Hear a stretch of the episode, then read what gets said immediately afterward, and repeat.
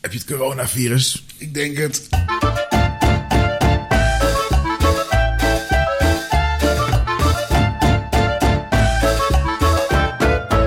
Oké, we zijn begonnen.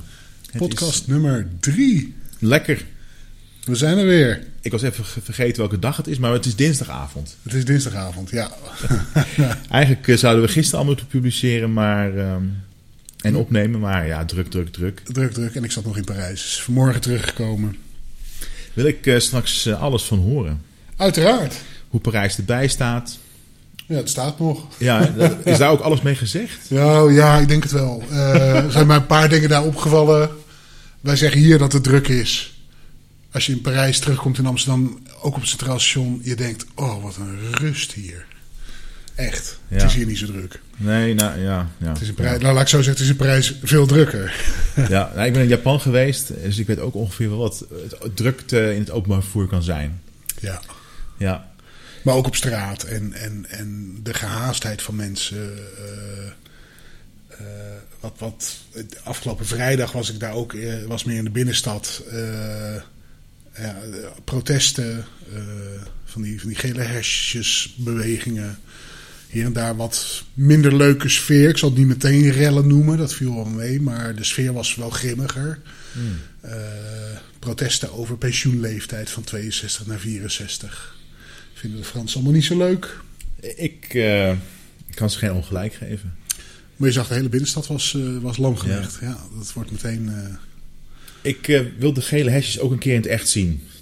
Dat is bijna een soort. Ik heb ze in Nederland wel eens gezien hoor, op de Dam in Amsterdam. Maar ik wilde echt het echte gele hesjesgevoel.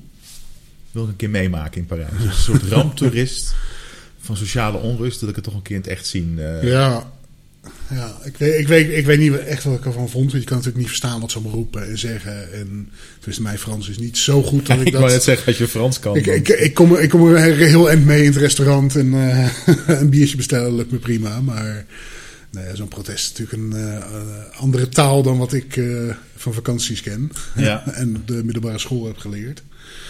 Nee, het, het is anders. Het is duidelijk een cultuur van protesten.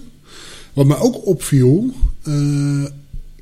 ja, moet, moet, moet ik het als een klassenscheiding zeggen? Je ziet heel erg daar dat alle lagere banen worden allemaal door eh, duidelijk Afrikanen uit de Franse kolonies gedaan. Dan heb ik het over schoonmaak, eh, dingen op straat, aannemers, eh, dat soort dingen.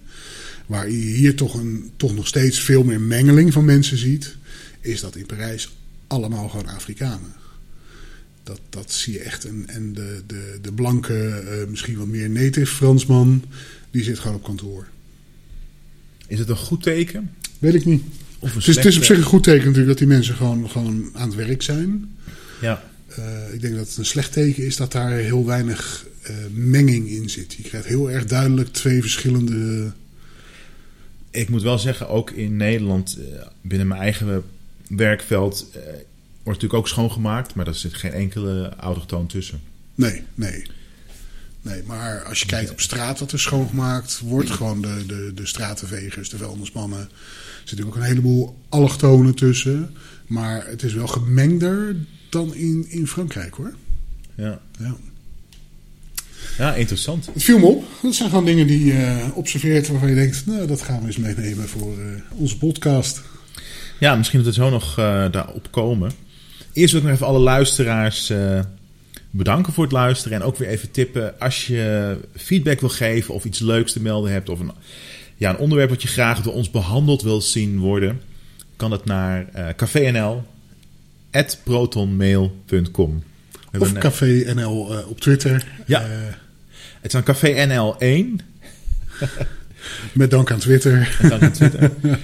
Ehm, dus ja, mail ons en laat ons weten wat je ervan vindt. Alle onderwerpen zijn welkom. Eh podcast is natuurlijk met name gewoon over, over wat, er, wat er gaande is in het land. Eh, dingen die ons opvallen in het nieuws. Dingen die ons opvallen in de talkshows. eh, gewoon om ons heen. Dus ja, al dat soort onderwerpen. Altijd in geïnteresseerd. Kom maar op. Ja, Hoe was jouw week? nou, het was deze week 75 jaar Auschwitz. En niet dat ik daar nou zoveel aandacht aan besteedde. Maar heel toevallig, ehm, een collega van mij geeft rondleidingen aan nieuwe collega's. En wat zij doet is de Joodse route in Amsterdam. Begint eh, in het centrum en dan uh, via Artes weer terug. En dan vertelt ze over allemaal momenten en dingen uit het begin van de Tweede Wereldoorlog. En een stukje historie daarbij. En ik was ook mee. En ik vond het echt behoorlijk indrukwekkend. Uh, begon bij het Meester Visserplein, bij de dokwerker. En uh, ja, dat grote plein naast de Portugese synagoge. Daar komen nu een beetje toeristen keuvelen wat. Maar niemand beseft eigenlijk dat dat een executieplaats was. In de Tweede Wereldoorlog. Ja, ik heb dat wel eens gehoord. Zo zit de stad vol met dat soort uh, zaken. Dat, wordt, uh, dat, is, dat zie je er niet meer aan af nee. Uh, nu. Nee. Het heet nu, tenminste het is Meester Visserplein, maar het is eigenlijk Jonas Daniel Meijerplein. Maar dat ligt eigenlijk naast elkaar. En daar begonnen wij aan onze tocht. En ja, eigenlijk vond ik het wel schokkend om, om van haar te horen hoe, hoe dat allemaal gegaan is. Uh, ook vooral uh, dat de Nederlandse overheid eigenlijk meteen, toen de Duitsers binnenvielen, op de vlucht sloeg. Het Koningshuis ook. Op zich wist ik het dat allemaal wel hoor. Maar wat ik minder wist is dat de Nederlandse bevolking eigenlijk de Duitsers voor een groot gedeelte met open armen ontving. En dat vond ik wel echt schokkend om te horen. Ja. Er waren twee Nederlandse natiepartijen ook in die tijd, met heel veel leden. En pas eigenlijk toen het hem helemaal mis begon te lopen, toen kwam er uiteraard verzet en al dat soort zaken. Maar in het begin, ja, ze liet ook foto's zien. Ja, stond, stonden alle Amsterdammers eh, ook met een, met een Hitlergroet naar de tanks van de Duitsers die binnenkwamen. Ja, ja het is, het is, wij kijken natuurlijk met een andere bril op terug naar die tijd. Want, want we hebben iets meer informatie dan men toen had. Uh, dat is altijd heel moeilijk. Maar het, het, het is terugkijkend heel gek om, om dat te beseffen. Ja.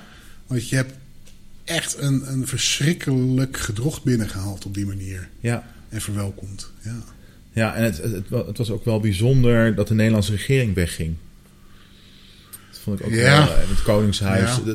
Dat, zul je ook nu zien als er een, hier een oorlog of een ramp. Dan, zullen, dan zijn dan, nou, het Koningshuis gaat meteen met al het goud en zilver uh, naar het buitenland. Maar ja, aan de andere kant kan je, als je weg kan, hè, en er breekt oorlog uit. Ja, ik denk dat ik het ook uh, dan zou doen. Ja.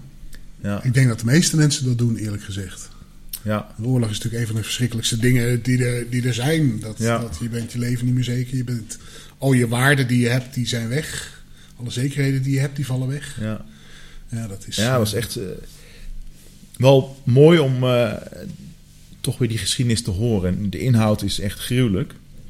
Maar het is wel fijn dat het toch nog eh, herhaald wordt. Zelfs, eh, ja, hoe lang is het geleden? 80 jaar dat de Tweede Wereldoorlog begon. Ja. Maar in ieder geval, we liepen dus van het Jonas Daniel Meijerplein ehm, door een supermooie buurt van Artes. En toen kwamen we aan bij de Hollandse Schouwburg. Ik weet niet of jou dat wat zegt. Nee. Ik denk dat heel weinig mensen, nou, tenzij je er toevallig in verdiept bent of er mee in aanraking bent gekomen. De Hollandse Schouwburg, het zegt het al, het was een schouwburg. En tot aan de Tweede Wereldoorlog uh, was er niet zo heel veel aan de hand. Alleen op een bepaald moment is dat gebruikt om de, de, volledige deportatie van alle Joden in Nederland van daaruit te regelen. En uh, ja, dus ze werden daar verzameld, op, als het ware bijna opgeslagen en met trams naar het, uh, even het station kwijt waar Maurits vroeger woonde. Uh, Muidenpoort. Muidenpoort. Muidenpoort, en vanuit Muidenpoort werd alles doorgevoerd naar uh, de vernietigingskampen. Je kan er nog steeds naar binnen.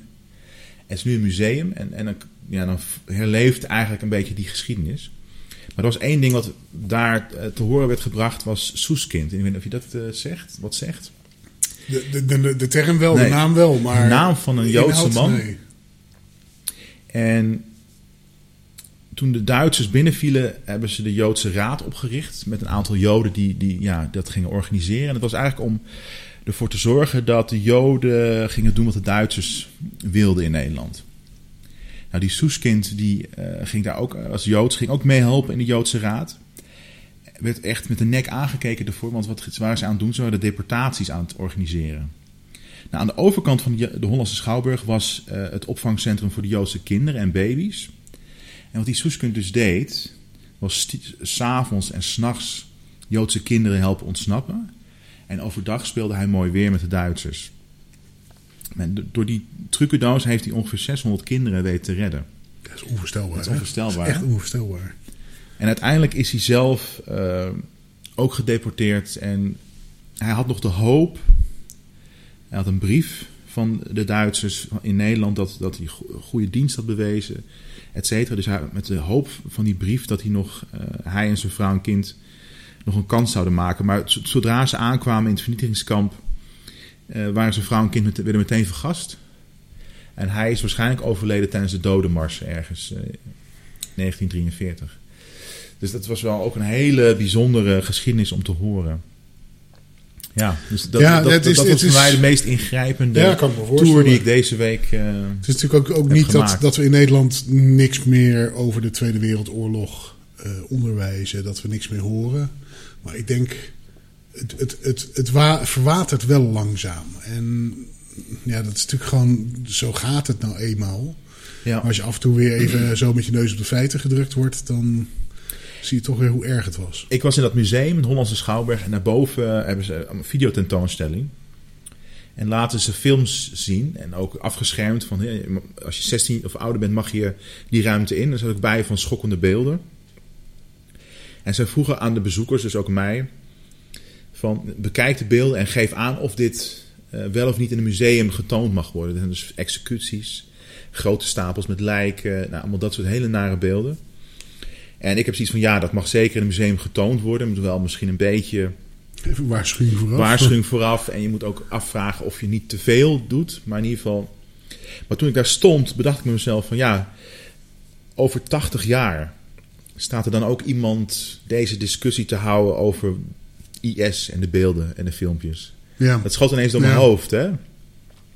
Dat wij hier zeggen nooit meer, maar het, exact wat de, wat de Duitsers, de nazi's deden, gebeurt nu nog steeds in Syrië, eh, Irak en Libië en al dat, dat gebied.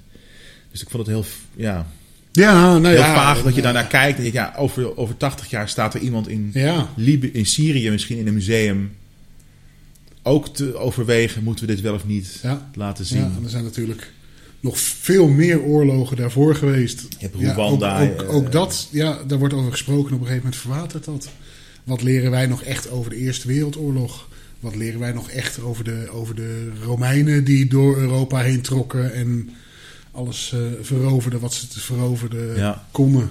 Ja, het, het, het, daar zit toch een tijdslimiet op, op dat soort dingen. Hoe, hoe, hoe gek dat ook klinkt. Maar ik denk dat het wel belangrijk is om dat soort dingen gewoon te blijven eh, tentoon te stellen.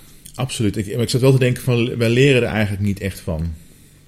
Misschien wel, want we, in ons leven is het de veiligste periode ooit op aarde. Ja. Dus misschien in die zin dat we er wel van leren. Maar...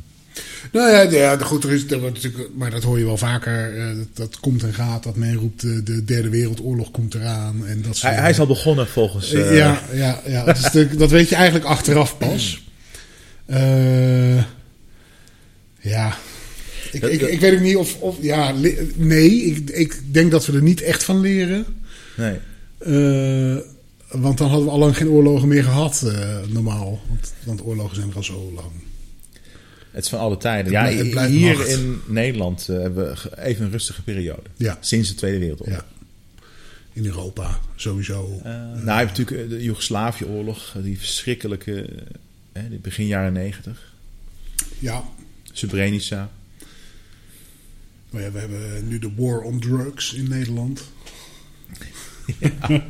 Nou ja, ik, ik, zijn we überhaupt ooit die war begonnen aan drugs? Ja, gaan we hem ooit nog winnen. ja. Ja. Het was natuurlijk ook deze week. Was, was, was eerst D66 die zei we moeten alles maar gewoon legaliseren. Eh, dus daar, zijn, daar is wat voor te zeggen. Daar is ook wat tegen in te brengen. Ehm, daar kwam de SGP even heel subtiel overheen. We gaan alles verbieden. Dat was natuurlijk ook niet heel verrassend.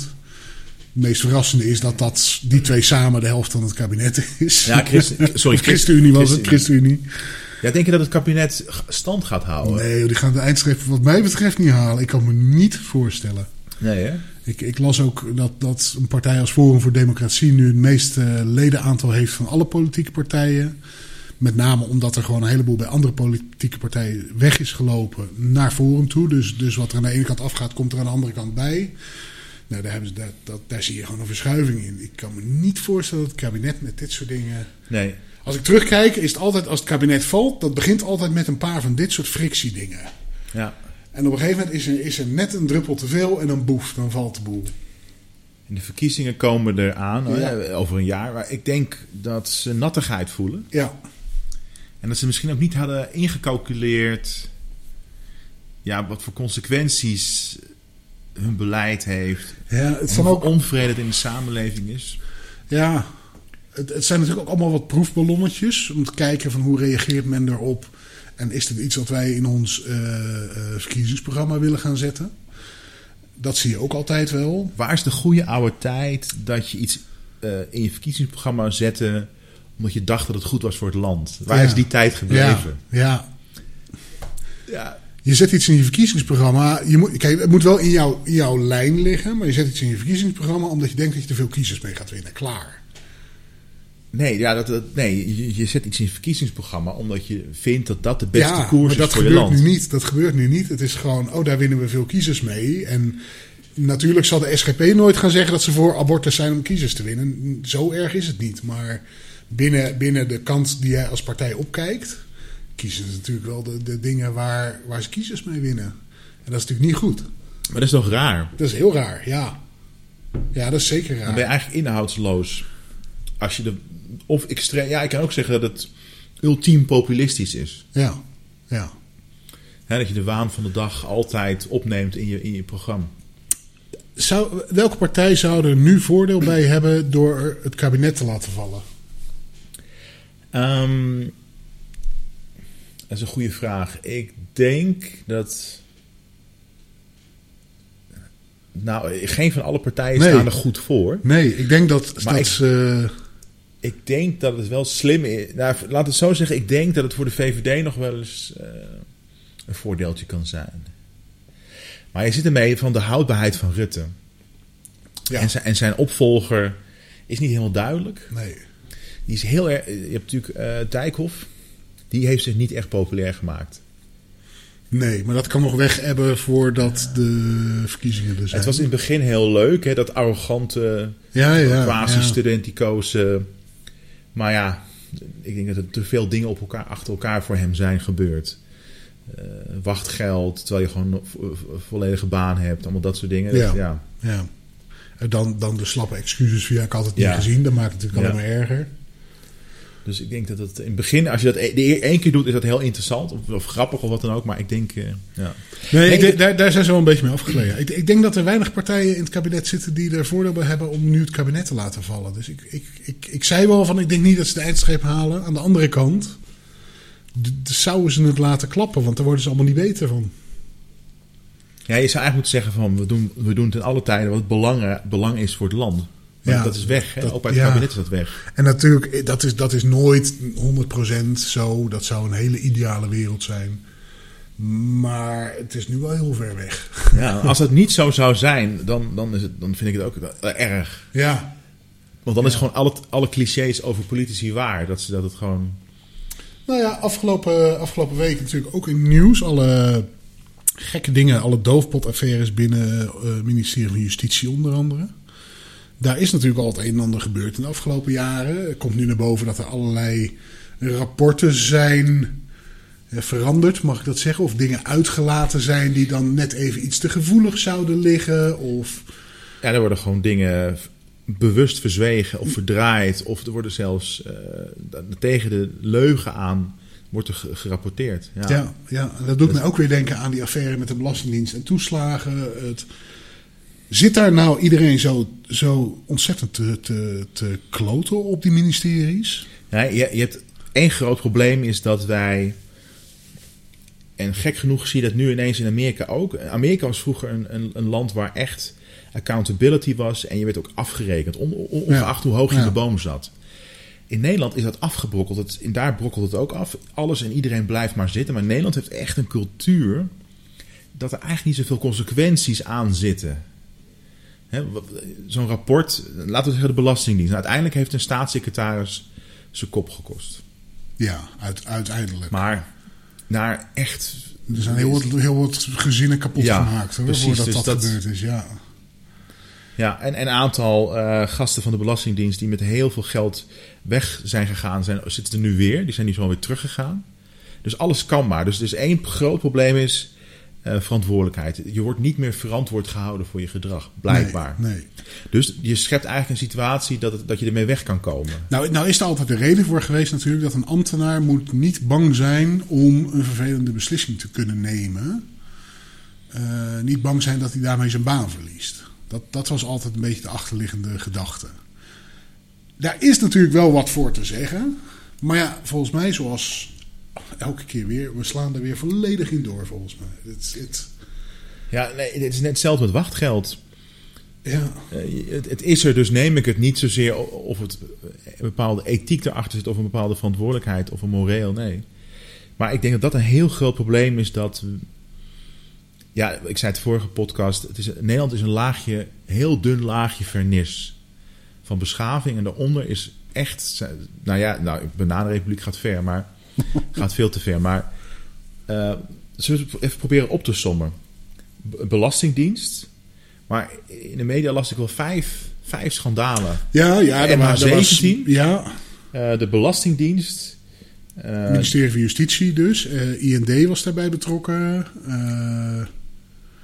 daar, daar zijn allemaal dingen in, in de doofpot verdwenen. IND is echt. Er waren zeven, zeven even uit mijn hoofd, zeven klokkenluiders die naar het AD waren gestapt. En dat waren hooggeplaatste ambtenaren. Dus die praten ook geen onzin. Ik bedoel, een klokkenluider zal best, zoals iedereen, ook wel ergens in zijn eigen bubbel zitten. Want tegen de tijd dat jij opstaat en zegt uh, tegen een krant: dit en dit is er aan de hand. Dan ben je daar natuurlijk al een tijdje mee bezig. En, en dan kom je een beetje in die bubbel. Maar laat daar 80% van, van helemaal kloppen. Dat is nog steeds verschrikkelijk. En ja, jij zei: we zijn geen bananenrepubliek. Maar dit, dit neigt er af en toe wel naar. Het is, Ja. het is absurd. Ik, ik zoek hem er even bij. Wat, uh, Kun je de overheid nog vertrouwen? ja, een goede vraag. Kun je, kun je een overheid, laat me groter pakken, kun je, kun je een overheid vertrouwen? Ja. Ik denk dat we echt een probleem hebben in Nederland. En misschien is dat wel groter dan alleen Nederland. Maar, Kunnen Amerikanen de Amerikaanse overheid vertrouwen? ja, ja. Die bespioneert ook hun eigen burgers. En, en ja. Eh, andere landen, Scandinavische landen, is ook van alles, alles waarvan je Ja. denkt van ja. Kun jij, eh, eh, vanaf de andere kant, kun jij als overheid zorgen dat jij altijd te vertrouwen bent? Wat, wat, wat is, daarvoor nodig? Het is je taak. Ja, maar er zijn natuurlijk altijd diplomatieke dingen die achter de schermen gaan. Die, die je gewoon niet naar buiten kan brengen. Ja. Pas, pas 40 jaar later misschien, maar. Is natuurlijk altijd wel. Ja, dat, dan een- praat je over de geheimen. Maar de sta, eh, staatsgeheimen of dat soort dingen, dat je dat... eh, Ja, ja maar ja, ook onderhandelingen. Eh, eh, heel simpel, als twee bedrijven met elkaar willen fuseren en dat zijn beursgenoteerde bedrijven, dan moet dat allemaal achter de schermen. Overheden, ja, die, die fuseren niet, maar die hebben ook afspraken onderling, landen Ja. onderling. Daar kun je niet altijd meteen oh, open en eerlijk over wat- Misschien zijn. ook binnen de bemoeienis eh, van de politiek in het Wildersproces. Oh ja, ja. dat- ja, En dat, dat vind ik misschien nog wel, los van de eh, persoonlijke tragiek van de belastingdienst-schandalen. Dit is ook wel heel erg.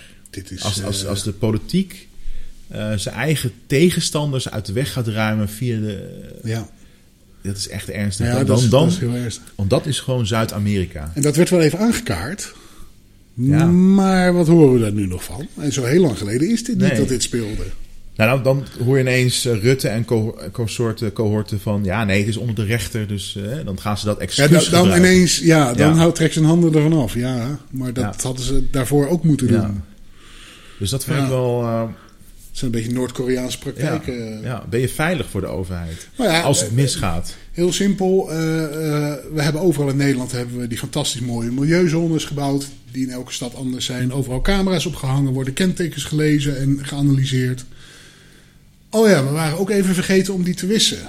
Dat is gewoon, dat mag niet. Dat is afgesproken met elkaar. Dat doen we dus niet. Dat gebeurt dus wel. Ja. Iedereen weet dat van tevoren ook. Dat gaat ook gebeuren. Want er is natuurlijk altijd weer ergens een ambtenaar die het anders interpreteert. En... Maar uiteindelijk ben jij dus gegevens van jouw burgers aan het opslaan en aan het bewaren. Kijk, uiteindelijk, we hadden het straks over de Joden in Amsterdam. Nederland had zijn administratie zo netjes op orde. Het lag allemaal klaar waar alle Joden woonden. Ja. Daar konden ze zo aankloppen. En, Ja. en, en het, het is een spanningsvlak. Ik denk dat een land besturen en, en overheid het moeilijkste dat er is. Je hebt altijd twee kanten. Eh, eh, neem ik eh, dit, heb je aan de ene kant privacy, aan de andere kant opsporing. Bijvoorbeeld, ja. Opspo- Opsporingsdiensten willen natuurlijk heel graag zoveel mogelijk informatie Ja. hebben. Aan de andere kant moet jij je burgers zo ver gaan bespioneren. En kom je onder andere op die sleepnetwet die er eh, een tijdje geleden was. Moet jij van een hele wijk alle WhatsApp-gesprekken gaan analyseren en inbreken en bewaren? Ja. Want dat mag dan tig jaar bewaard worden. eh, Ja. Omdat daar misschien ergens een terrorist in zit. Hij is er gewoon door, hè, de sleep. Ja, die is er wel door. Ja. ja. Ja, het, was, het is al het internetverkeer. Al het internetverkeer. Ja. Alles. Ja. Moet je je voorstellen hoeveel data dat is en hoe gevoelig dat allemaal is. En dan kun je zeggen, ik heb niks te verbergen. Maar ja, als, als, eh, stel dat het straks wel weer eh, oorlog uitbreekt. En eh, nou, toen waren het eh, de Joden waar we op een presenteerblaadje gaven waar ze wonen. Ja. Dat kunnen ook de homo's zijn, dat, kunnen, Ja. dat kan er van alles zijn. Want dat kun je uit die gesprekken heel makkelijk afleiden. Als ik, als ik twee dagen lang jouw internet mag bekijken, nou ja, bij jou weet ik het in tien minuten volgens mij. Maar dan weet ik ook welke politieke partij jij aanhangt. Alles. Ja. Dat kan ik van mijn buurvrouw ook zo, zo zien als ik daar even mag zien wat zij op internet Ja. bezoekt. Er wordt gezien hoe vaak je inlogt bij je bank. Ja, eh, welke bank dat is. ja. Nou, als je het via wifi doet, dan kunnen ze misschien zelfs zien wat je bankreken, eh, je, je account is, hoeveel geld er op je bank staat. Alles. Het Dus is- wat je altijd hoort van, ja, maar ik heb niks te verbergen. Van mij mogen ze al mijn gesprekken zien. Ja, als de overheid 100% te vertrouwen is en jij weet dat daar niks mee gebeurt en dat die gegevens meteen gewist worden, prima. Maar we weten donders goed met z'n allen dat die overheid, die wist dat niet. Die gesprekken blijven bewaard, die data blijven bewaard. Ook na de afgesproken bewaartermijn blijven die gewoon bewaard, kun je donder op zeggen. ja. Want eh, ik werk in de IT. Ik weet, je maakt backups. Dagelijks, wekelijks, maandelijks. Dat maakt niet uit. Je maakt backups op tapes. Die gaan in opslag. Eh, ja, die moeten officieel dan gewist worden op een gegeven moment. Maar ja, er is ook data daaruit wat niet gewist moet worden. Maar je kan die tape niet in stukjes knippen. Dus wordt alles bewaard. Wordt van alles bewaard. Daar is daar, een database waar alles in staat. Daar Ja. wordt, daar, die wordt gewoon volledig gebackupt. En dat wordt bewaard. Omdat er één record in staat wat wel langer bewaard moet worden. En ik vind dat heel bijzonder dat mensen zeggen: van mij mogen ze alles weten, want ik heb niks te verbergen. Ja. Maar dan hoef je ook dus je pincode niet te- af te schermen. Op straat kan je dan dus ook eh, alles doorvertellen. Maar Moet je voorstellen, ga je, ga je een wildvreemde op straat al, alles vertellen? Ja, nee. Dat doe je ook niet. Nee. Daar, daar zou je je zelfs heel ongemakkelijk bij gaan voelen. Nog sterker, daar heb je Facebook voor. daar kun je alles lekker over vertellen. ja. Nee, maar ja, terugkomend op, op het punt waar, waar we hier op kwamen. eh, Tuurlijk willen we allemaal voorkomen dat er terroristische aanslagen zijn. Natuurlijk willen we allemaal dat criminelen opgepakt worden. Eh, ik ben geen crimineel, eh, kan ik je vertellen. Dus ik heb niks te verbergen op dat vlak. Maar ik heb wel wat te verbergen, gewoon wie ik ben. En Dat gaat toch niemand wat aan? Tenzij jij dat wil delen. En nogmaals, de overheid die weet dat, die slaat dat op. En dat kan zo in verkeerde handen. Hoeveel hacks, hoeveel datalekken zijn er wel niet bij overheden? Ja. Dat komt in verkeerde handen. En sterker nog, je kan je inmiddels afvragen met zoveel schandalen of het al de overheid niet per, per definitie de verkeerde hand Ja, is. ja, Ja. ja. als je het ziet, de Belastingdienst, nou ja, god man. Ja, Nou ja, plus de overheid, dat verandert elke zoveel jaar. Verandert de overheid. Er zit in één keer een heel ander team, er zit een andere richting. Dat, ja. daar kan ineens extreem rechts, daar kan ineens extreem links. Je weet het niet. Je weet het al helemaal niet dat er over 50 jaar zit. Nee. En, en niemand wist voor de Tweede Wereldoorlog dat die Duitsers zouden komen. Want dan hadden we het nooit opgeslagen. Maar ja, Ja. dit gebeurde toch. En het werd allemaal heel netjes opgeschreven Ja. En gedocumenteerd. Ja. Ze hebben drie keer geprobeerd in de, in de fik te steken, hè, het burgerlijke, ja, de burgerlijke stand. Ja. Het eh, zit nu eh, Artus in. Het zit naast Artus. Toevallig eh, zijn we er gisteren ook langs gelopen. En het is niet gelukt. Het waren zulke dikke perkamenten boeken. Er werd alles met de hand ingeschreven. Ja. Dat die boeken branden niet goed. dus ze hebben drie keer geprobeerd. eh, maar er zijn wel wat mensen mee gered. Maar ze zijn ook uiteindelijk gevangen. En uiteraard meteen geëxecuteerd. Maar ja, Het is wel heftig hoor. Ik, ik heb ook, als, als ik het gewoon wat kleiner, kleiner maak, waar, waar ik dit soort dingen ook tegenkom. ehm, discussies met bedrijven. Wat je wel en niet voor je werknemers aan internetverkeer mag monitoren. Ehm, heel simpel. Ja, iedereen zegt ja, het is een computer van het werk. En je moet werken, dus de werkgever die mag alles zien wat jij doet. ja dat vind ik altijd een interessante vraag. Ja, maar ik ben een IT'er. Ik kan zien wat mijn baas doet. En stel dat mijn baas gelukkig getrouwd is en naar een of andere datingsite gaat, dan maakt, mijn maakt het mijn baas chantabel bijvoorbeeld. Zeker bij jou. Ja, zeker bij Nee, mij. maar- ja, nee, ja, inderdaad. In, in- is het dan een reden om dat inderdaad eh, te monitoren of juist niet? Of hoe, eh, hoe, Ja, hoe zie je dat? Niet. Data die niet is, kan ook niet misbruikt worden. Dat is, dat is mijn opvatting. Hmm. Dingen die je niet nodig hebt, die niet essentieel zijn. Kijk, een werknemer die gaat zitten Netflixen tijdens het werk, moet je misschien niet op die manier aanpakken. Die moet je gewoon aanpakken dat hij zijn werk niet goed doet. Want dan komt de volgende vraag. Dan heb jij een monitoring tool eh, op jouw computer staan, op je laptop van je werk. En dan zit ik s'avonds thuis op die dating site. Op de laptop van mijn werk. Ja. Maar op mijn eigen wifi, in Ja. mijn eigen huis, in mijn eigen tijd. Je eigen stroom? Mag de baas dat zien? Nou, Nee, lijkt mij. Ja. Is het van tevoren afgesproken? Dat, Nou, dat, dat is het. Je moet dan dat kan je nog iets van vinden. Hè? Van Maakt natuurlijk ook uit of jij, of jij bij de AIVD werkt of, of dat jij bij eh, eh, de Ja, supermarkt precies, werkt. dat- dat- Eh, ja. ja. tuurlijk. Dat moet je ook gewoon goed afspreken. Maar ja, in de IT geldt toch wel, wat er niet is, kan het niet misbruikt worden. Dus dingen die misbruikt kunnen worden en niet noodzakelijk zijn, zorg gewoon dat er niet is. Kijk, als jij verdenking hebt naar een werknemer, kun jij natuurlijk altijd op dat moment besluiten om die kijken. werknemer voor twee weken te monitoren. En dat is ook een beetje hoe het in de wet staat. Hmm. Dus het moet, het moet eh, in proportie zijn. Het, het moet een, een afgebakend tijdsmoment zijn. Dus bijvoorbeeld een week, twee Ja, weken. ja. Afhankelijk van waar je iemand van verdenkt. Maar het mag niet continu. En dat vind ik heel terecht. Dat, dat is een terechte privacy. De redelijkheid en gematigdheid. eh. Ja. Ja, ik heb natuurlijk ook een, bijna iedereen bijna heeft een telefoon van zijn werk. Maar die gebruik ik privé eigenlijk niet. Nee, nee dat ben- zie je steeds meer. Dat, eh, ik vind het wel lekker. Na, eind, na, als ik klaar ben met werk, zet ik er gewoon uit. Ja. En, eh, Ja, het, ja. he- het heeft twee kanten inderdaad. Jij wordt niet meer gestoord door je werk buiten je werktijden. Of de tijden in ieder geval dat je verwacht wordt dat je werkt. Dat kan ook langer zijn dan je werktijden. Maar je houdt daar meer die scheiding in. En je werkgever kan niet zien wat jij privé allemaal aan het doen bent. Precies, ja. Dat, dat hoeft hij ook helemaal niet. Het hoeft allemaal niet heel spannend te zijn, maar hij hoeft niet te weten. Hij hoeft niet te weten wat ik bij de supermarkt bestel. ja, nee, ja, heel Nee. simpel. Ja. ja. Dus ja, dat, dat, maar ja, aan de andere kant, we willen wel allemaal dat terroristische aanslagen voorkomen worden, dat criminelen opgepakt worden. De vraag is alleen, ga je dat daarmee doen? Nou ja, je ziet altijd dat eh, als er een aanslag gepleegd is, dan gaan ze terug rechercheren. En dat is, dat is vaak makkelijk. Hè. Dan heb je eenmaal een profiel, een naam, een verdachte, et cetera. En dan komen ze er vaak achter dat hij al onder de radar zat. Ja, ja, Maar ze worden bijna niet. nee. Ik denk, zeggen, de succesvolle aanslagen, die, worden niet, die zijn dus niet eh, onderkend op tijd. nee, nee, want ik Dus denk ja, dat je dat, moet die je informatie is zoveel dat dat is niet te filteren. Dat, dat, dan moet artificial intelligence nog zoveel verder groeien. Wil een computer dat heel snel kunnen analyseren? Daar, er, was, er was afgelopen week ook die miljonair die gehackt was door die Saoedische prins.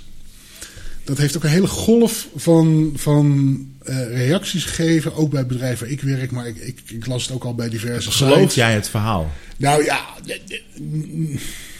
het kan. Is het interessant? Dat vraag ik me af. Is, is de moeite nou allemaal waard? Nou, de rijkste man ter wereld, zijn telefoon hacken is natuurlijk wel interessant. Ja, maar zijn er niet veel makkelijkere manieren om achter, de, achter informatie te komen? Ja, ik, ik weet niet precies. De, tijdlijn schijnt te zijn dat die hack, die, die, dan zogenaamd gebeurd zou zijn. eh, en, vlak daarna wordt die Khashoggi-journalist vermoord. Die, die werkte voor de New York Times. En Bezos is de eigenaar van de New York Times. Dus ze zeggen dat daar ook een soort conspiracy-achtig iets in zit. Maar dan wordt ook gezegd van ja, zijn telefoon ging ineens naar een paar duizend procent meer datagebruik Ja, en dat soort ja. dingen. Maar ik vraag me af, als ik, een WhatsApp, als ik een filmpje in WhatsApp krijg en ik speel hem af, volgens mij kan ik dan nog geen virus binnenhalen. Ik moet Nee, een executable krijgen. Ja. Ik moet een ja, wil je dit... En, en, en executables en zo, dat zit allemaal niet helemaal niet op telefoons. Dat, dat werkt vaak via hele andere Ja, mechanismen. dus, dus hoe is die, ik, ik geloof best wel dat die hack gebeurd is het hoor. kan. En Maar hoe, ja, hoe dan? Kijk, uiteindelijk moet er een programmaatje op een telefoon komen. En dat staat niet in, in, in de Play Store of in de, de hoe heet het bij Apple. eh, Nee.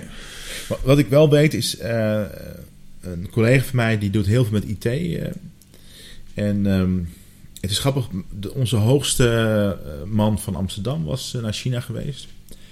En die had dus speciaal voor die reis een tablet, een telefoon en dat soort dingen aangeschaft, Ja, gekregen. Ja, En na afloop op Schiphol begon het vernietig, vernietigingsproces al. ja, dat, de overheid ook, hè? De overheid Ja, zegt dat het gingen, ze al in, eh, gingen ze al in eh kooi van Faraday zakjes. En die zijn gewoon kapot gesmolten. Ja, ja. Eh, Dus hij kreeg bij aanschaf splinternieuwe tablet en eh, laptop en eh, telefoon. Het, En maar hij komt China terug. het, is, het is geheel terecht hoor, dat, dat zeker weten. Want China is raar. Wij hebben ook Ja. een, een vestiging in China. En daar zit verplicht in het serverrek een zwarte doos van de overheid. Waarvan niemand weet wat hij doet. Wij zorgen wel dat alles wat daar doorheen gaat, wat er bij ons van de service afkomt, encrypted is. En, en, en pas weer ergens in Amerika decrypted wordt. En dan moet je nog even door de, door de Great Firewall en zo. Het, het is een ontzettend raar land. Dat zodat de Amerikaanse overheid wel mee kan kijken. Het is letterlijk een zwarte doos met knipperende lampjes. Niemand weet wat het doet. Je bent verplicht om te zorgen dat hij er is en aan is. Nou, en wordt door de overheidsfunctionaris geïnstalleerd. Dat is echt heel raar. Maar Een het is volledig terecht. Want de Chinese overheid die zit daarin. En die bespioneert. Dat weten we ook allemaal. Maar intussen hebben we de helft van jouw onderdelen uit die telefoon komen ook uit China. Ja. We kopen allemaal aan Huawei omdat het lekker goedkoop is. En daarna gaan we lekker zitten whatsappen wat van Facebook is. Ja. Jongens, wat, waar- wat denken we dan? ja, het is heel bijzonder. En, en Facebook zegt dat het end-to-end encryptie is. Ja. Ja, end-to-end encryptie. Maar ja, als, als dan de Ja, end geïnfecteerd is... Ja, je telefoon nee. decrypted en dan ligt het kant-en-klaar ja. open op je telefoon voor die het app. ook heel bijzonder. Maar ja, eh, tip voor alle criminelen hier. eh, geen WhatsApp, maar gebruik dingen als te- Telegram en dat soort, Te- ja. dat soort oplossingen. Maar ja, dat is ook een kwestie van tijd totdat dat weer overgenomen... Kijk, WhatsApp was vroeger ook prima, maar is nu overgenomen door Facebook. Ja. Ja, dus niet meer vertrouwen. Klaar, punt. 12 miljoen mensen in Nederland gebruiken WhatsApp. Hè? Ja. Is echt... eh, Ja, miljarden onge- wereldwijd. Ja, het is echt... eh, Ja, het werkt ook supergoed. Maar ja, dat, een mooi bruggetje naar, naar coronavirus in China. Nou, Daar komt natuurlijk aan de ene kant de informatie van de Chinese overheid naar buiten. Wat al heel veel beter is dan dat dat vroeger was. ja. Maar nog steeds het bij lange na niet haalt over wat er allemaal op social media aan die kant naar buiten komt. Klopt. En als je de Chinese overheid moet geloven, dan is er eigenlijk niks zoveel aan de hand. Ze nemen hele dramatische maatregelen, maar met hele goede redenen. En eigenlijk gaan ze dit helemaal winnen. Maar dan zie je inderdaad op eh, Twitter en eh, andere kanalen, social media kanalen, zie je filmpjes van eh, het ziekenhuis bijvoorbeeld, hè, waar Ja, dan ingepakte lijken in de gang liggen. Huilende hulpverleners. huilende hulpverleners. Ook lastig te duiden, hè? want een huilende hulpverlener, ja, iedereen heeft wel eens op kantoor een bad day. Kan ook een filmpje Maar- vier jaar geleden zijn, hè? Precies. Ja, Dat, dat, dat zie je wel vaker bij dat soort dingen. Maar ja, laat daar eens de helft van waar zijn. Van wat je op social Ja. media naar buiten komt. ja, Dan matcht het nog steeds niet wat de Chinese overheid zegt. nee. Kijk, een overheid die zegt er is niet zoveel aan de hand. Op het moment dat een overheid dat naar buiten brengt, Is dan is er wat aan de Ja, hand. ja, dat is regel ja. 1. Ja, maakt niet uit waar ter wereld. Nee, precies. Dat, ook in Nederland is dat echt Ja. zo. Ja. Ja. Met, Dus, met eh, eh, top of the bill natuurlijk altijd de Noord-Koreaanse nieuwslezeres die dan zegt de overheid is fantastisch en er is niks aan de hand. Dan weten we allemaal, ah, er is weer een raket afgevuurd. De reactie op Europa is ook weer eh, bijzonder. Dan zie je ineens dat Europa helemaal geen functionerend geheel is. Dat elk land weer zijn eigen maatregelen Ja, treft. ja, Nederland klassificeert het wel als een A-categorie gevaar. ja. Whatever that may be. Nou ja, dat heeft, Maak heeft te maken dat er zorgen? een... Nee. Eh, wat ik al zei aan het begin, ik, in Parijs, in een hotel van, eh, ik denk iets van 400 hotelkamers daar. Busladingen vol met Chinezen die daar twee dagen zijn. Ik heb er zeven dagen gezeten, dus ik heb een bus of eh, tig voorbij zien komen. Die staan bij mij in de lift. De Incubatietijd is heel lang. hè? ja, ja. Dus je weet, je weet helemaal niet of daar iets. Maar ja, aan de andere kant, er is, voor zover ik weet, maar ja, dat is ook weer de informatie die naar buiten komt natuurlijk. Voor zover ik weet, alleen maar mensen die al zwak, ziek en misselijk waren eraan overleden. De rest overleeft dat gewoon. Dat Ja. is met een griep precies hetzelfde. Ja. Het gevaar zit er maar meer in als je gekke mutaties gaat krijgen, denk ik. Ik denk dat dat de angst is. Maar ja, wat er nu is, is vervelend. Zeker in een, in, in een omgeving als China. Ze hebben nu het nieuwjaar met twee dagen verlengd. Hè? Heb je dat? eh? ik vind dat we dat hier ook moeten doen. Ja. Maar ja, op, op zich gaat China er beter mee om dan dat ze dat vroeger gingen. De, de, de typering van het virus staat online. Er kunnen vaccins Ja. eh, bedacht worden. Ja, ja. Bedacht, ontwikkeld worden. Nou ja, ze weten nu in ieder geval, het heeft al een naam, zo'n, zo, wat vroeger H5N1, nou ja, zo'n code heeft het in ieder geval. Ja. Het is ook typisch dat het weer een coronavirus is, weer Azië, weer China Ja, ja, en weer een epidemie. En Dat heeft ook te maken met gewoon die dierenmarkten daar. Moeten ze stoppen met vleermuizen eten daar? Of Ja, nou ja, sowieso is natuurlijk de, de hygiëne niet zo als het hier is. al tien jaar geleden, al misschien nog langer, wordt China elke keer genoemd en gewaarschuwd van als er een, een, great extinction, een pandemie komt, komt het bij jullie vandaan. Want jullie zijn zo smerig bezig met dieren, vooral pluimvee en, en andere dingen, en zo dicht bevolkt, al die markten zo dicht op mensen. Ja, dat, en ja hoor, het- Maar ja, er zijn zoveel Chinezen, er gaat ook wel ergens iets goed kennelijk. Het is nou niet dat we zeggen Nou, van, eh, we hebben bijna een Chinees tekort in de sprong wereld. van eh, dier naar mens is voor een virus heel moeilijk. Ja, Maar Ja. als het gebeurt, ja, dan is het bad nieuws. ja, Dus het is, het is meer geluk dan wijsheid, denk ik. ja. Dus dat, eh, ja. Maar ja, ze hebben het voordeel van, van de aantallen. Ja, er kunnen heel veel Chinezen Ja, doodgaan. dat is Murphy's Law. Ja, ja, dieren gebruiken dat ook. Die zitten ook in groepen. Ja, dan heb je gewoon wat casualties af en toe. Maar de soort aan zich, Ja, Die Totdat er eentje, en eens eentje komt die wel echt zo lethal is dat je... ja, ja. Dat trok me al af aan die eh, Spaanse griep van... Ik wil negen- overigens niet Chinees met dieren vergelijken hoor. Dat is natuurlijk ook onzin. Oh, Maar- nee, nee, nee. Nee, maar meer gewoon de, de, de hoeveelheid, de groepsgebeuren. Maar als je de, de pandemie in 1918 of zo, de Spaanse griep, wereldwijd 50 miljoen mensen. En daarna is hij weg. Hè. Ze hebben het griepvirus wel gevonden door eh, ingevroren mensen terug te vinden. Maar ja, zoiets kan dus kennelijk Ja. ook weer Ja. gebeuren. Nu is het wel anders. Het, Ik- het ik- nadeel is dat, dat we veel meer reisbewegingen hebben dan 1918. Ja. ja, want als jij met iemand in het vliegtuig zit die het coronavirus heeft. Dat maakt niet uit in welke rij jij zit, denk ik. Maar met al die luchtcirculatie dan Ja. eh, eh, tien uur in zo'n vliegtuig. Ja, dramatisch. Dan kun je wel op je vingers natellen Ja. dat het feest is. Ja, dat is wat anders dan eh, de, de tien seconden in de lift staan natuurlijk. Maar ja, het kan altijd. Ja, het, spookt door je, het spookt door je hoofd. Stel, eh, ik denk, ik verwacht het eigenlijk niet hoor. Want ik denk dat als je nu hoort hoe, hoe de mortaliteit is, dat is 3%. Ja, de gewone griep heeft, Ja. heeft een hogere Dus ja, in die zin hoeven we ons helemaal geen Nee. zorgen te maken. Nee. Maar ja, stel er komt er eentje die wel echt, eh, zoals ebola. Ja, Hè, dat is de mortaliteit boven de 80% of 90 zelfs. stel dat dat muteert. En airborne gaat dus hè, via hoesten, niezen. Ja. eh, ja, dan. Ja, dan blijf ik binnen. Ja, en hoe lang zou je dan binnen moeten blijven? ja, ja. Totdat de zombies de deur inslaan. Ja, het is echt. eh, ja. Ja, en, en dit zijn dus al ziektes die hier op aarde leven. En eh, werd er niet gezegd dat wij in de komende vijf tot tien jaar buitenaards leven zouden gaan vinden? Ben ik benieuwd wat daar nog allemaal vandaan komt. Dat, Nou ja, zijn, dat zijn ziektes die ja. we misschien helemaal niet kennen, waar, waar de kernstammen al niet eens van, eh, van kennen. Nou, het eerste buitenaardse leven heeft zich al bekendgemaakt. Dat is Greta Thunberg. Ja. ja, die is geland. Die is geland, eh. Nou, Er komen nu wel documentaires, eh, een heel klein zijstapje hoor, over haar.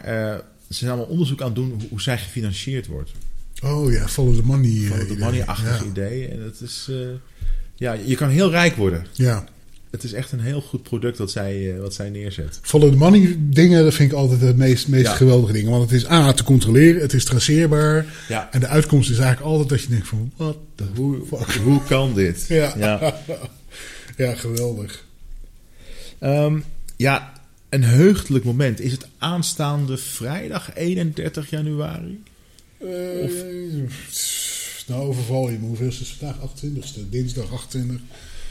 39. 31, vrijdag, ja. En wat gaat er vrijdag gebeuren, Joris? Eh, Brexit. Brexit, ja. Ja, ik kijk er naar uit. Ik, Brexit. Het heeft jaren geduurd, maar het moment is daar eindelijk. Eh, Maar ja, dit is een, een, een op, op papier Brexit. dan, dan krijgen ze negen maanden om nog iets te regelen. Maar wat eigenlijk al lang geregeld had moeten worden. Ja, en wat ze in negen maanden nooit kunnen gaan Wat ze regelen. nooit, eh, ja, ik ben, ik ben heel benieuwd. Wat denk jij? Eh, gaat, het, eh, gaat het einde van de wereld inluiden? Of zoals Hugh Grant zei, Engeland zal ten onder gaan?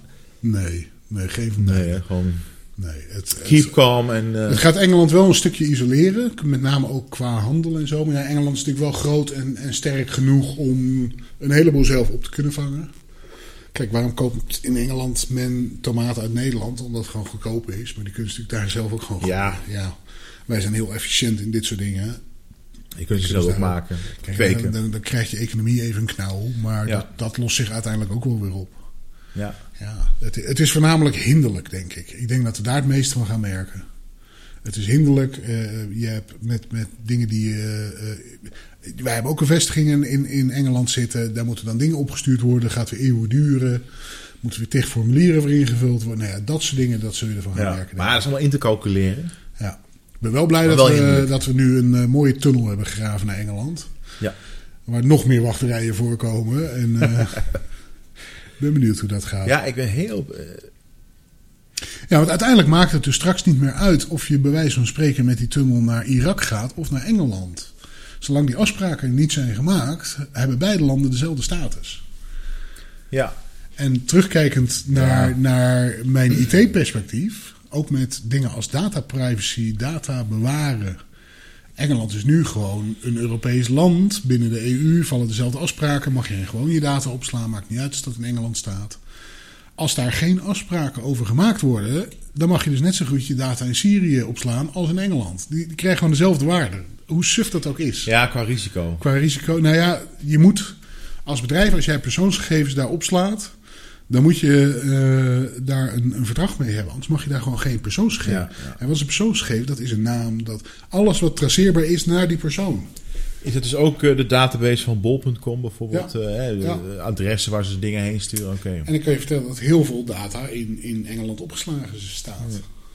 Nou, dat, dat soort dingen, dat hinderlijk. Maar ja, al, al onze data staat op in Google bijvoorbeeld. allemaal in Amerika ook. Dus ja, voor de burgers... Met Amerika hebben we een verdrag. Ja, maar met Engeland dan ook Amerika waarschijnlijk. is een safe harbor. Nou ja, dat is de vraag. Want Engel, met Amerika is het verdrag heel anders dan waar Engeland nu onder de EU in zit. Ja. De vraag is, willen wij met Engeland zo'n verdrag als dat we met Amerika of Canada of wat dan ook hebben? Ja, En wil Engeland dat dan wel? Of een nieuw Engeland verdrag. wil natuurlijk een beter verdrag. ja, of een nieuw verdrag. Ja, maar ja, de, de vraag, je Ja. zit met twee conflicterende partijen Ja. om de tafel. Dus dat, ik weet niet of dat allemaal negen maanden klaar is hoor. Is het geen zegen voor de democratie? Dat er uitgevoerd wordt wat Ja. de bevolking wil. Ja, zeker. Ja, ook ze, ze- hadden ook niet anders moeten doen. Het is ook wel eens fijn in deze tijd dat er een keer naar een democratische uitslag geluisterd Ja. wordt. Nee, ze hadden ook echt niet anders moeten. Ze hadden dit gewoon moeten doen. Ze hadden dit al twee jaar eerder moeten doen. En zou de Europese Unie, eh, los van dat ze het jammer vinden, ook moeten zeggen van, ja maar dit is de democratie. Dit is het volk van Engeland die het beslist. Wij respecteren dat. Ja, dat doen ze eigenlijk ook. Of Tuurlijk, gaan ze tuurlijk, tuurlijk stiekem- wil EU ze graag bijhouden, want het is een flinke geldschieter. Ja, netto betalen. Ja. Of gaat Brussel het ze zo extreem moeilijk maken om, om maar het aan Nee, te kunnen tonen dat, Nee. eh, dat, dat Europa beter is. Er is Brussel ook wel wat aan gelegen om, een, om op een aantal punten een verdrag te hebben hoor. Want Brussel moet ook de Tuurlijk. handel in stand houden. Maar ja, ik, wat ik het liefste zou zien is die brexit die moet door, want dat is democratie, punt. Had twee jaar eerder al gemoeten. ja. En de EU, EU moet eens even hand in eigen boezem steken en denken: shit, waarom gaat Engeland eruit? Wat hebben we fout gedaan? Nou, het is wel bijzonder dat ze die vraag eigenlijk niet aan Nee. zichzelf stellen. Nee. Nee, Want er is natuurlijk best wel wat aan te vallen op de EU. En, en Ja. in de kern is, is wat de EU wil, vind ik, vind ik geweldig. En maar ja, daar wordt zoveel misbruik van gemaakt. Er gaan zoveel rare regeltjes, zoveel. Ja. geldstromen waarvan je denkt...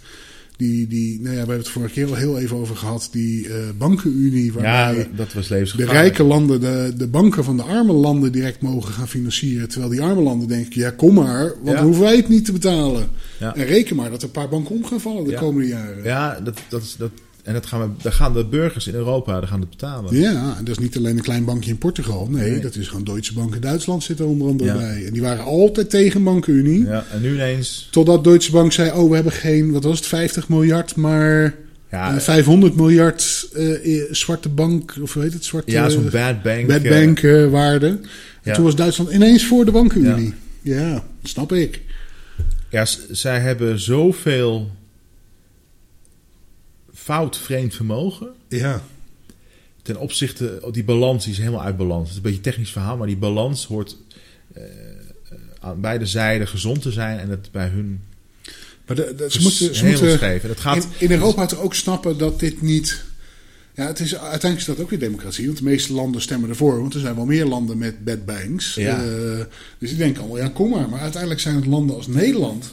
Wij hebben onze banken in, inmiddels redelijk goed op orde. op orde. Wij hebben een, een eh, eh, staatsschuld die laag is. Eh, Frankrijk die zit bijna op 100% van binnenlands product. Hè? Die zaten ook altijd op het niveau waar Nederland zit. Zo, zo, nou, Nederland zit wel heel goed nu op, op net onder de 50. 50 procent. Frankrijk zit op 108 geloof ik Ja, laatst. en wat zijn de regels van Europa? Ja, het mag onder de Het 60. moet onder de 60 Ja, zijn. ja, zoiets. Ja. En Frankrijk wordt al, al tien jaar of nog langer niet op de vingers Nee, getikt. nee, die zijn veel te groot. Maar dat is ook heel, dan weet je eigenlijk al van jongens, waar zijn we mee bezig? Ja. En dat, dat vind ik nou echt jammer dat Europa zich dat soort dingen niet aantrekt. En daarin snap ik die Britten wel. Al, het, het, het- er is een referendum geweest in Engeland en die Britten hebben niet over dit soort dingen. Nou, en misschien een aantal wel natuurlijk, maar over het algemeen, het gros van de stemmers voor Brexit hebben hier het niet over nagedacht. Dat ging allemaal over immigranten. Nou ja, je mag, dat, dat is ook een gigantisch probleem. Ja, ja, Dus, dus ik, dat is ook een probleem. Als je dat, een, dat een, een van de grootste problemen, misschien, sommigen wordt gezegd dat migratie het allergrootste probleem van deze tijd wordt of gaat worden. Dus het is niet zo heel raar dat dat een issue zou zijn. Maar ik denk in de aanloop van het eerste referendum, van het referendum, dat eh, natuurlijk heel, beide zijden alles in de media hebben kunnen vertellen. Ja. Ja, dus dat gebeurt als dan ook weer niet. mensen hè. hadden willen luisteren, hadden ze. Dat snap ik dan kunnen niet. weten. Ja, en dat. Er wordt, er wordt. Maar ik denk ook op mensen, de mainstream media in, in Engeland, en dat is in Nederland ook misschien, Ja. die zijn ze gewoon zat. Ja, Hè, want er werd geroepen, ja, als, als Brexit gebeurt, dan, eh, dan eh, komt er geen medicijnen meer, dan komt er oorlog, dan komt al dat. De meest waanzinnige. iedereen kan alles maar roepen, Ja. maar dat snap je op Facebook en dat neem je dan misschien iets meer met een korreltje zout. Maar niet dat de BBC. Maar jij, nee, als jij het op Nieuwsuur ziet of wat dan ook. En ik wil helemaal niet zeggen dat Nieuwsuur per se slecht is, of, of welk, welk programma dan ook. Maar het is vaak zo eenzijdig. Eenzijdig, heel erg politiek gekleurd. Ja, ja. Dus ja, En dat, dat, ik, moet- ik moet ontzettend denken aan die milieugekheid van, van dit moment. Waar ja, je hoort alleen maar, we moeten minder dit, we moeten minder dat, we moeten minder dat, we moeten minder dat. Je hoort helemaal niks aan de kant van hoe kunnen we dit innovatief oplossen. ja. Begint langzaam begint dat een beetje op te komen. Ja, maar we zijn tussen een jaar verder. Kernenergie wordt weer afge. afge Ja, wordt volledig, wordt, het staat helemaal niet eens ter discussie. Frankrijk staat vol met kerncentrales. Ja. België, die hebben eh, gratis stroom, hè, die landen eigenlijk. Die kunnen eindeloos stroom produceren. Ik had het hier toevallig en dan over- moeten wij mogen dus niet die gratis Ik had het hier toevallig over met een lunch met, met een paar Franse collega's. Ik zei, ja, maar je, je- je- kijk, het ging over reizen naar kantoor en eh, Oh, ja. met de auto. En oh, dat is slecht, want je moet met de trein. Ik zei, nou, weet je, bij ons wordt die stroom van die trein die wordt gewoon met kolencentrales opgewekt. En als er, dat eruit is, wij zijn nu houtsnippers uit eh, Zuid-Amerika, Canada en eh, andere delen van Europa aan het importeren om dat te verbranden. Ja. En dat, ik, ik heb dat in het Engels verteld en zij dachten dat ze dat verkeerd verstonden, dat ze dat niet snapten. Dus ik heb dat nog een keer uitgelegd. Nog een keer dan, ze snapten het wel, ze verstonden het wel. Ze dachten, het kan niet waar dachten, zijn. dit, dit kan ik niet goed gesnapt hebben. Ja, dit kan toch Die niet waar zijn? biomassa-centrales is natuurlijk gewoon hout verstoken en zo. Wat we, wat we van de andere kant van de wereld in, in laten k- in- Ja. vliegen, wou ik zeggen. En- En per schip. Wij zijn het enige land in Europa volgens Ja, mij wat die achterlijkheid doet. Ja, joh. Ja, het is echt... Ja. En ik wil niet zeggen dat we per se kernenergie moeten. Ik ben niet een voorvechter van per se kernenergie. Ik ben wel een voorvechter van neem het mee in je overwegingen. Maar het, het is inderdaad, ik las het van de week. Het, er wordt, Het is het is echt- buiten discussie. Er wordt gewoon niet over gesproken. Ja, maar wie, wie is de rechterhand van eh, die Timmer Frans? Frans Timmerman. Frans Timmermans. Ja, voor die ook... eh Geen idee. Diederik Samson. Oh, Waar ja, komt. Diederik Samson? Waar komt Diederik vandaan? Greenpeace. Greenpeace. nou, dan weet je al hoe laat het is. Ja, ja. Het is echt... Het is als een soort eh, tumor met tentakels. Op een bepaald moment hebben ze te pakken, de macht. ja. En het is echt... Ja, En nogmaals, ik gun iedereen zijn kijk op de wereld. Ik gun iedereen zijn visie op bepaalde onderwerpen. Maar sta open ook voor andere kanten. Ja. En, en probeer ook te begrijpen waar het, sluit het niet uit. Nee. En er is nu, eh, ik, weet, ik, ik weet niet precies wat er gewijzigd was, ergens in de gemeente Flevoland. Maar de, de, de oude regel was: een windmolen moet ma- eh, eh, minimaal 500 meter van een huis staan. Ja. Hebben ze, de- die wet is veranderd. Die, die mag nu dicht bij een huis staan. Dus heel veel mensen gaan dus nu gewoon echt windmolens heel dicht op hun huis krijgen. En waarom? Omdat als je die regel aanhoudt van minimaal 500 meter afstand. En die regel is voor een hele goede reden. En dat je gewoon knettergek wordt van het apparaat. Maar dan kunnen ze dus niet de hoeveelheid windmolens neerzetten die Nee, joh. nodig Maar dat is überhaupt niet mogelijk. dus het is echt. En nu zie je al dat mensen echt. Heel Nederland staat straks vol met verschrikkelijk eh, vervuilende hè, lucht, licht, eh, geluidvervuilende Ja. windmolens waar iedereen knettergek van wordt. Al die huizen met niet werkende eh, eh, warmtepompen die, die de hele dag brommen en zoomen. En ja, het wordt echt, als dat doorgaat. Nou, er zijn überhaupt geen huizen voor de nieuwe mensen, maar los daarvan. Ja, Nou, er stond vandaag toevallig, nee toevallig, het stond in de krant, eh, de parkeerplaats van Lowlands wordt één grote zonnepanelen carport. Dus, dus ja, je parkeert je auto onder de zonnepanelen, zeg maar. En na Lowlands blijft dat bestaan. En Ze wekken daar ongeveer eh, eh, 100 keer zoveel energie mee op per jaar dan één weekend Lowlands verbruikt. Dat, is natuurlijk, dat, dat was Walhalla, dat was fantastisch. Maar ik Ja. denk, ja, als die zonnepanelen niet staan, dan zijn dat grasvelden. Grasvel, gras, alles wat groen is, groen blad, neemt CO2 op. Gooi daar die zonnepanelen boven, dan groeit geen sprietje gras meer onder. nee. Dus dat Nee, neemt ook geen CO2 meer op. Nee. Dus hoe Walhalla is dit verhaal? Ik weet het niet, dat, dat, daar, daar moet je Nou. experts voor hebben die dat berekenen. Maar in, het is in ieder geval niet zo Walhalla als dat het in de krant stond, volgens mij. En, en hoe erg. We zijn natuurlijk al een, een puur geïndustrialiseerd land. En is eigenlijk amper natuur. Maar het beetje groen wat we nog hebben, willen we daar echt gaan vernietigen door daar eh, ja, industrie neer te gaan zetten. Zonnepanelen, windmolens, willen we dat echt. Nou ja, ja eh, eh, drijvende eh, zonnepanelen op meren en zo. Ja, dat houdt ook zonlicht tegen. En dan gaat, ja, je weet wat er gebeurt als geen zonlicht op water valt. Dat wordt dood water. Ja, gaan de planten dood. ja. Of je krijgt eh, algen die, die, die op een andere manier eh, gaan overwoekeren. En dat, dat, maar dat mis ik zo in dit soort verhalen. Het is aan de ene kant, het wordt gebracht alsof het allemaal Walhalla. Fantastisch dit. Dat moeten we misschien Maar de in heel waarheid, Nederland doen. de waarheid doet er niet meer toe. Nee. Het is een religie. Ja. Nou ja, is één ding bij religie. eh, Er is één ding wat niet verenigbaar is met religie. En dat is waarheid. Ja. En dat zie je echt. ja. Ja, Ja. En ik vind dat, ik vind dat irritant. Ik vind het zorgelijk. Want we hebben het inderdaad allemaal over nepnieuws op, op, op Ja. internet en zo. Maar ergens is dit ook... Het is niet nepnieuws, maar het is ook niet de volledige waarheid. nee. ja en ik vraag me af hè, met, met die, met die eh, 100.000 migranten elk jaar die erbij komen in Nederland. Plus alle kinderen die geboren worden. Plus alle tieners. Waar, we hebben een chronisch tekort aan huizen. Ja. Kunnen we niet al die miljarden niet steken in huizenbouw? We zijn het rijkste land ter wereld. We, we bouwen landtunnels. We, we Ja, doen de meest vierde gekke economie, dingen. hè, vierde economie ter Jij wereld. zei, jij zei eh, eh, eerder al tegen mij... eh, eh, 8 miljoen mensen hebben een... een of andere uit, uitkering. Ja, nee, ja. het een toeslag. Bij Bijna 8 miljoen mensen in Nederland hebben een toeslag. Ja. Dus zorgtoeslag, huurtoeslag, nou, kindgebonden. Nou, ja, in ieder geval allemaal toeslagen. Dus dat, dat. Het geld wordt aan alle kanten gestrooid. Toch hebben we een heleboel geld nodig op een heleboel fronten. Leraren, eh, politie, Ja. eh, noem maar op. Er zijn, er zijn natuurlijk best wel, er is wat achterstallig onderhoud.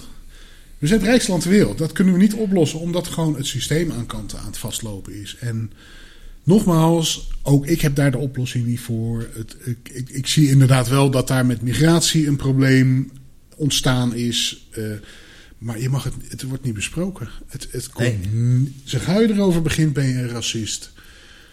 Het- Nou ja, uit die migranten is, is natuurlijk eh, een groepje. eh, zijn het gelukzoekers, maar dat zijn ook gewoon arbeidsmigranten, expats. ja. Maar die, die pakken ook een huis. Die Ja. hebben ook een huis nodig. Dus het is niet eens. eh, Ja, mensen kunnen de, een, een racismekaart spelen, maar dat is onzin. Het gaat om alles. Nee, wat, het is wat- gewoon niet. Kijk, al die mensen die, ko- die komen, die eigenlijk, dat duurt heel lang voordat zo'n gezin, en daar gaat er generaties overheen, echt meedraaien in de samenleving. Eh, kun je nou beter zeggen, ik, ik vang er honderd op die ik heel goed ga be- begeleiden, wat mij veel minder geld kost, maar die dan in no time mee kunnen draaien in de samenleving en er gewoon een goed bestaan kunnen opbouwen?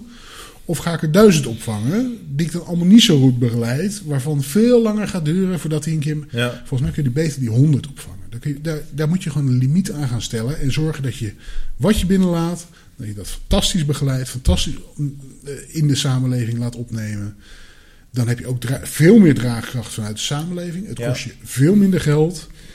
En dan heb je een win-win situatie. Ja, die andere mensen, het is heel vervelend, maar we kunnen ze niet allemaal opvangen.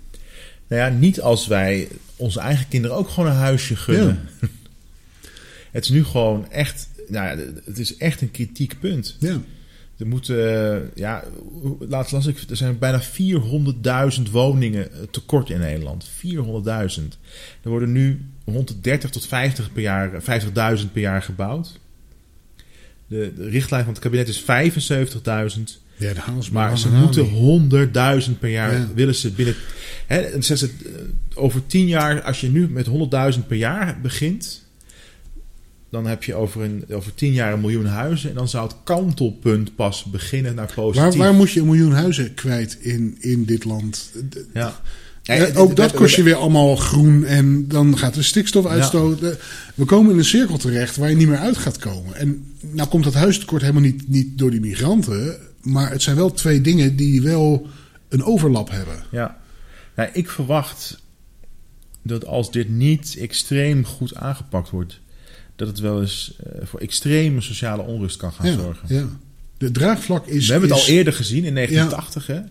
Het draagvlak valt weg op een gegeven moment. En dat Ja. moet je zien te voorkomen. Maar dat begint met laten we er nou eerlijk gewoon met z'n allen over kunnen praten. Ja. Zonder meteen in de hoek van racisme weggezet te worden. Ja. In de politiek kun je er niet over praten. Het, het eh, wordt, wordt ook een beetje verkeerd aangevlogen wellicht. Wilders is natuurlijk zo'n zo'n zo'n figuur die daar een beetje drama en populisme van maakt. Maar waarom hoor je dan... De, de, an- D66 hoor je er nooit over. Die zeggen alleen maar alles open, iedereen helpen, kom maar Ja, binnen. maar die, zitten in, in, in, in, een, in een, die wonen niet in de wijken waar die eh, mensen opgevangen worden. Die wonen ook niet in de wijken waar de problemen zijn. Nee. Eh, die hebben kinderen die gewoon... Daar, zij kunnen- ze hebben overwaarde op hun huis. Of ze hebben een goede baan. Dus Maar ze kunnen bent- voor hun kinderen gewoon een huis kopen. een politieke partij. Je moet daar toch over ja, maar kunnen die praten. bubbel van, van Ja. D66 is echt... Die, ja, die, die Ja. zien dit niet. Maar ja, ook een partij als VVD, die dan wat meer in die, in die rechtse hoek zit, die praten er een beetje over. Maar durven ook eigenlijk niet te zeggen waar het nu om gaat. Je mag er niet met cijfers komen. Ja, het is een beetje ruggengraatloze Wat we partijen. straks al zeiden, bij IND worden allerlei cijfers en feiten worden gewoon dat, weggemoffeld. dat schoon moeten we net binnen. Dat IND ook gruwelijk heeft lopen eh, sjoemelen. Ja, Tienduizenden eh, asielzoekers zijn gewoon kwijt. ja. Die zijn gewoon de samenleving ingegaan en die Ja. draaien mee of ze zijn naar het buitenland gegaan. Maar die mensen zijn dus gewoon niet geregistreerd. Nee, en, en dan wordt meedraaien wordt heel moeilijk hoor. Dat, Dat, dat, dan, nou ja, goed, die draaien in een soort. dan ga je in de schaduw, eh, ja. En dat is toch half de criminaliteit, zo niet helemaal Nou, het ligt op de loer. Ja, zeker. En dat is niet, niet de schuld van die mensen hoor. Dat wil ik helemaal niet zeggen. Want Nee, nee, maar zij kunnen helemaal niet werken. Zij hebben geen, geen, nou ja, die, die gaan iets doen. Ze hebben geen burgerservice nummer of niks. Dus zij kunnen bij geen werkgever kunnen ze werken. Dus ze moeten wel die kant op om een bestaan op te bouwen. En wat ik ook heel erg vond is dat. eh, dan heb je zo'n wasstraat, dat is een beetje, zo wordt het genoemd. Dan komen die mensen Ja, binnen. ja. Op die heel veel telefoons van die mensen eh, werd, werden hele ernstige eh, kinderporno gevonden, maar ook eh, executies, executies, martelingen. martelingen. En je weet gewoon, daar zitten IS-strijders tussen. Ja. Zo simpel. Waarom En- heb, jij, heb jij martelingen of, of onthoofdingen Ja. filmpjes op je telefoon staan? Ja. Dat doe je alleen maar omdat jij erachter staat. Ja, en, en dat, zijn, dat zag je ook in de Tweede Wereldoorlog. Dat ook nazi's, SS'ers, die sloegen ook op de vlucht. Op een iPhone 11 ook. Ja, of een iPhone X. Maar die, eh, dus, dat, dus, dus dat criminelen zich, op, zich vluchten en mengen bij de slachtoffers, Ja. dat zie je van alle Natuurlijk. tijden. Door dat te ontkennen, ja, dat is het wegkijken, dat, dat is ook een probleem in Nederland. hè. We Ja. kijken weg van problemen. Als je ze gewoon bespreekt, Ja, dan kan er misschien een oplossing komen. bespreekt, onderzoeken, feiten naast elkaar zetten. Eerlijk zijn naar de mensen. Eh, eh, daar zou je een, een referendum over kunnen geven als het nodig is. Van wat moeten we hier nu mee? Ja. Dus ja, het, eh, De staat van het land, zijn we positief eigenlijk nu? Of, eh, ik, ben, ik ben nog steeds wel positief hoor, over Nederland. Eén keer in zoveel tijd, ik weet niet of het elk jaar gebeurt, maar er zijn die, die ge- geluksonderzoeken. Ja, En Nederland geeft zichzelf stevast een 8. ja. Ik, ik- als ik, maar dan kijk ik van, ja, is dat wel representatief? Als ik naar mijn eigen leven kijk, denk ik van, ja, ik heb heel veel dingen om heel blij mee te zijn, et cetera. En dan denk ik van, ja, dan zou ik ook 8 scoren. Maar ik kan bijvoorbeeld in de regio waar ik woon eigenlijk geen huis kopen. nee. Ik was laatst aan het kijken. Ik kon een hypotheek krijgen van, eh, samen met mijn partner, van eh 495.000. Dan ga je kijken wat er in Amsterdam voor dat bedrag is. Ja, dat valt zwaar tegen. Het is er Eh, niet. Niks. Nee. Denk even zo, oké, dus afgerond een half miljoen euro. nee, daar komt Kan ook. die Die gewoon huizen, geen huis daarvoor nee, die krijgen. huizen die zijn er wel, maar de mensen die daarin zitten, die kunnen niet weg, omdat zij Ja. dat duurdere huis ook niet kunnen betalen. Ja. Dat, dat, En de, de, de, huis die erop stond, daar wil je echt niet wonen. Maar ja, terugkomend naar zo'n onderzoek, hè, van, van wij geven ons een 8. Wij nemen dat allemaal maar klakkeloos aan. Over zijn, Ja, precies. Dat, Wat is er gevraagd in dat onderzoek? Hoe En- komen we op die 8? Wat, wat zijn exacte vragen? en, en is het een Nederlands, is het een onderzoeksinstituut van de overheid? Want Ja. daar heb ik echt geen vertrouwen in. Nou ja, of, Als je of KNMI zit daar ook achter? Het KNMI dagdagelijks eh, echt, echt onzin verkondigt. Ja, ja gewoon, gewoon dingen die pertinent niet waar zijn. En een van de meest schokkende dingen zijn die eh, hittegolven die ze eh, weg hebben gewuifd. Hè? Ehm, ze, ze, ze hebben nu een soort, soort eh, grafiek dat aantoont dat het steeds warmer wordt. En dat de hittegolven in Nederland ook. maar voor het gemak hebben ze gewoon een aantal hittegolven Ja. in 1800 zoveel, in 1900 zoveel hebben ze weggelaten. En als je die er Onder het mom van, ja, maar dat, dat kan niet kloppen. Nee, maar als je die erbij doet, dan is er geen significantie. Ja. Ja. Dat is bijna een flatline. Haal je ze weg, dan, komt er, dan zie je een, een, een curve Ja, omhoog. ja, zo kun je dat- cijfers altijd manipuleren. En inderdaad, je, je weet bij zo'n onderzoek waar, waar Nederland zegt we geven ons een 8. Wie zijn daar geïnterviewd? Ja. Wat voor vragen zijn er gesteld? Hoe is dat cijfer berekend? Hoe zijn deze vragen onderling? Zijn die allemaal even zwaar meegewogen? Of, of is die vraag eh, eh, wat we van het weer vonden misschien maar 1% meegenomen? Want ja, het weer is natuurlijk het Nederlands weer. Hè? Daar geven we geen acht Ja. voor. Ehm, dat weet je dus niet. Maar we nemen het allemaal klakkeloos aan. We hebben laatst als Blue Monday. Weet, Oh je, ja, weet ja. je, ja, heb je gehoord waar Blue Monday vandaan komt?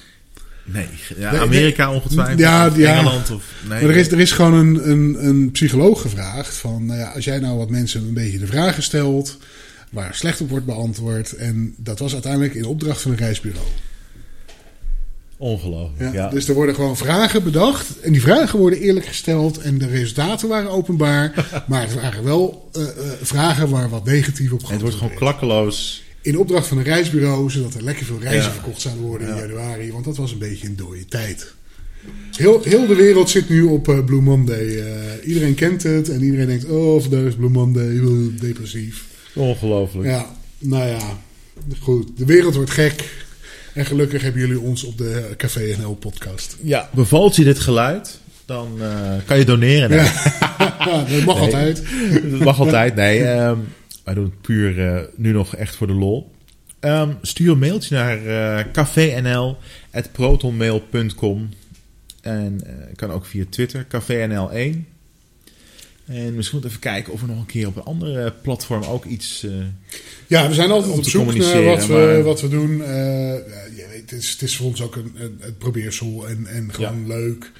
Dus ja, we, we, we breiden uit. Laten we het daar maar op houden. Eh, ik denk, we zitten weer ruim over het uur.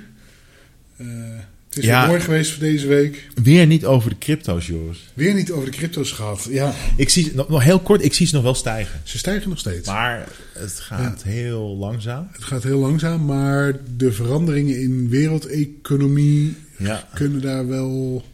Misschien moeten we volgende week eens iets meer ook even die, eh, de financiële wereld eens aanstippen. Want we hebben het nu twee keer over Deutsche Bank gehad. Er zijn wel meer van dit soort grappige eh, ontwikkelingen gaande. ja. Leuk, ja. Goed, als jullie ideeën hebben of als jullie zeggen wat, wat, wat jullie nu allemaal gezegd hebben, dat is echt eh, eh, bullshit. Laat het gewoon weten. We staan overal voor open. Wij hebben ook niet de waarheid in pacht. Eh, Jij alle- niet, ik wel. Ja. alle reacties zijn welkom en eh, we zullen het ook zeker meenemen. Leuk, tot volgende week. Tot Proost. volgende week. Proost.